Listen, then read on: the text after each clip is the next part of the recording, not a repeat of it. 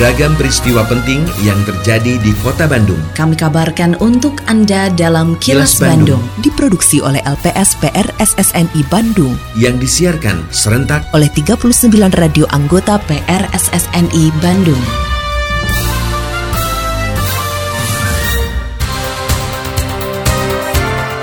Sejumlah informasi aktual kami hadirkan untuk Anda dan inilah informasi utamanya. Indeks pembangunan literasi di Jawa Barat diupayakan terus meningkat. Kopi Wanoja asal Jawa Barat diekspor ke Arab Saudi. Polisi tangkap tiga pelaku begal mahasiswi. Saya Santika Sari Sumantri, inilah kilas Bandung selengkapnya.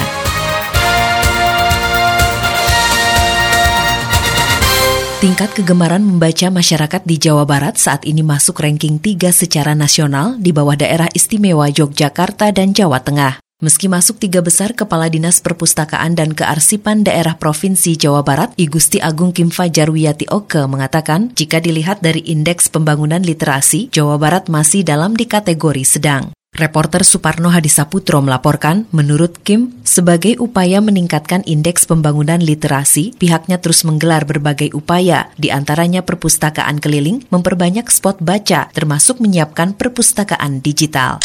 Kalau kita lihat dari indeks pembangunan literasi, kita masih di kategori sedang. Karena apa? Tapi banyak indikatornya, salah satunya itu adalah perbandingan buku dengan jumlah penduduk. Jadi Jawa Barat itu kita hampir 50 juta ya, jadi belum proporsional gitu. Tapi perlu perjuangan yang lebih masif lagi untuk meningkatkan uh, indeks pembangunan literasi ini. Ya, idealnya mas satu penduduk satu buku gitu, tapi ini masih uh, satu buku untuk 16 orang gitu kan. Kalau minat baca sudah semakin tinggi, namun memang perlu berbagai upaya inovasi yang kita lakukan kepada masyarakat untuk terus-menerus meningkatkan minat baca ini dengan perpustakaan keliling. Terus kita juga punya namanya kita library ya, Candil Maca Dina Digital Library. Nah itu juga kita lihat peminatnya, ya lumayan tinggi juga.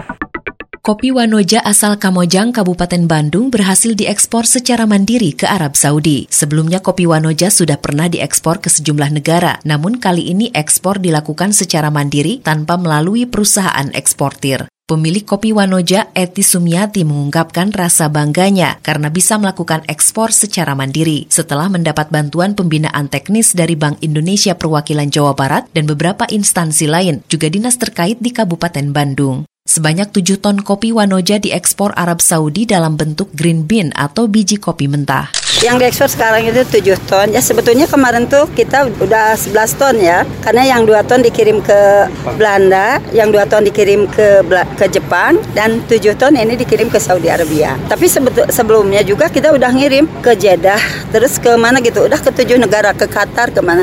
Itu ceritanya mungkin karena kita udah waktu itu kita dibawa pameran ya sama BI ke Dubai ya Pak ya ke Dubai. Di situ tuh banyak orang-orang kopi semua. Jadi eh, mereka itu eh, mencobain kopi-kopi Wanoja yang dibawa sama BI Jabar. Bangga banget gitu. Kita tidak menyangka ya seorang seorang petani kopi. Jadi seorang petani bisa ada kesempatan seperti ini.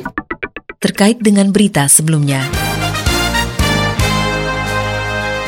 Pelaksana Harian Kepala Perwakilan Bank Indonesia Jawa Barat Bambang Pramono mengatakan kegiatan ekspor merupakan salah satu faktor pendongkrak laju pertumbuhan ekonomi atau LPE. Aktivitas ekspor termasuk komoditas kopi bisa meningkatkan nilai tukar rupiah terhadap dolar Amerika sehingga memiliki nilai tambah uang yang beredar dan pada akhirnya mendongkrak laju pertumbuhan ekonomi bagi Jawa Barat. Seperti dilaporkan reporter Agustin Purnawan, menurut Bambang, ekspor kopi yang dilakukan kelompok dan koperasi Tani Wanoja sebagai bukti keberhasilan pembinaan yang dilakukan oleh Bank Indonesia Jawa Barat dalam meningkatkan kesejahteraan petani kopi. Kegiatan hari ini adalah salah satu bentuk eh, selebrasi tentunya kebahagiaan kami bahwa salah satu yang menjadi mitra kami di mana kami ikut mengakselerasi sedikit tetapi beliau melakukan banyak yaitu Bunda Eti Sumiati Kopi Wadoja nanti harapnya menjadi agregator ya karena beliau bisa langsung mandiri melakukan ekspor ke Arab Saudi. Kita pahami saat ini pertumbuhan ekonomi kita masih didrive oleh konsumsi dan kita harap salah satunya bisa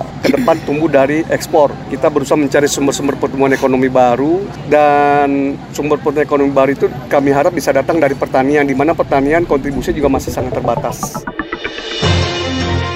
Suara DPRD Kota Bandung.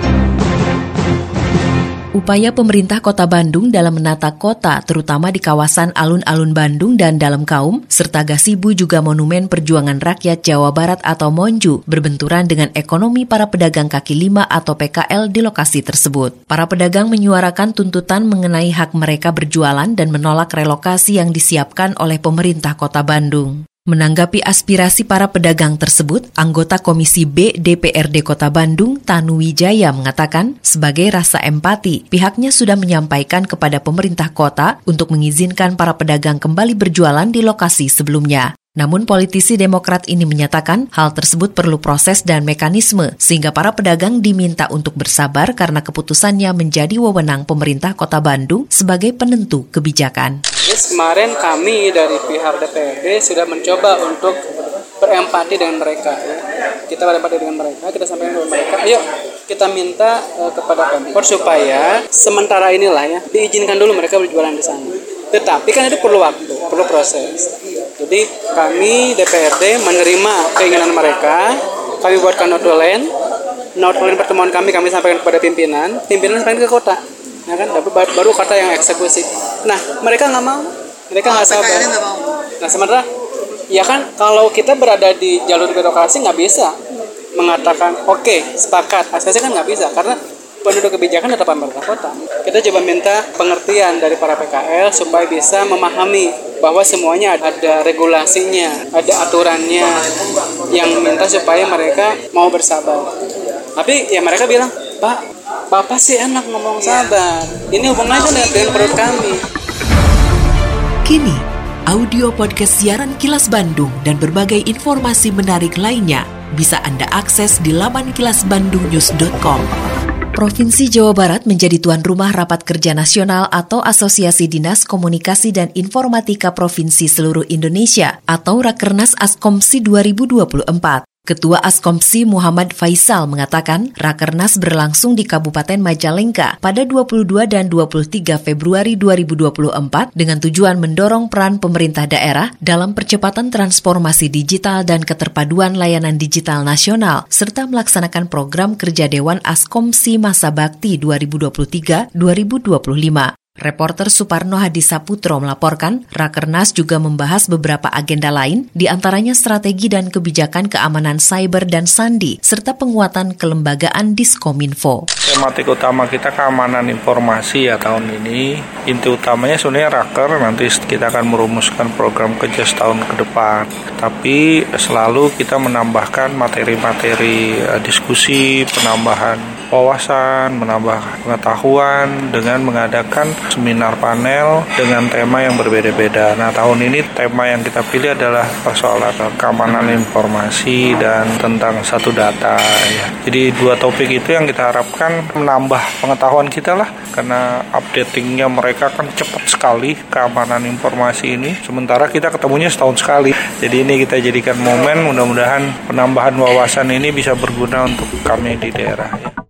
Polisi menangkap tiga orang tersangka begal bersenjata tajam yang kerap beraksi di wilayah kota Bandung. Dalam melancarkan aksinya, para tersangka mencari target perempuan atau mahasiswi yang berada di tempat sepi. Bahkan pelaku tak segan melukai korbannya jika melakukan perlawanan. Kapolres Tabes Bandung, Komisaris Besar Polisi Budi Sartono mengatakan, para tersangka ditangkap setelah aksinya terekam kamera pengawas dan beredar luas di media sosial. Reporter Yudi Dirgantara melaporkan, dalam rekaman tersebut, para tersangka menghampiri korban yang sedang beristirahat setelah usai mengambil uang dari mesin ATM. Seorang tersangka kemudian berpura-pura meminta hotspot terhadap korban. Di saat korban lengah, tersangka lainnya mengambil telepon genggam dan uang korban dengan mengancam menggunakan senjata tajam. Di motor langsung disapri dengan diancam oleh alat-alat sajam. Kemudian diambil handphonenya, diambil handphonenya dan langsung kabur. Dan memang modus ini cukup sering dilakukan di kota Bandung dan ternyata setelah dilakukan pemeriksaan bahwa salah satu tersangka merupakan residivis dan sering melakukan 35 kasus yang seperti ini. Terima kasih Anda telah menyimak kilas Bandung yang diproduksi oleh LPSPR SSNI Bandung.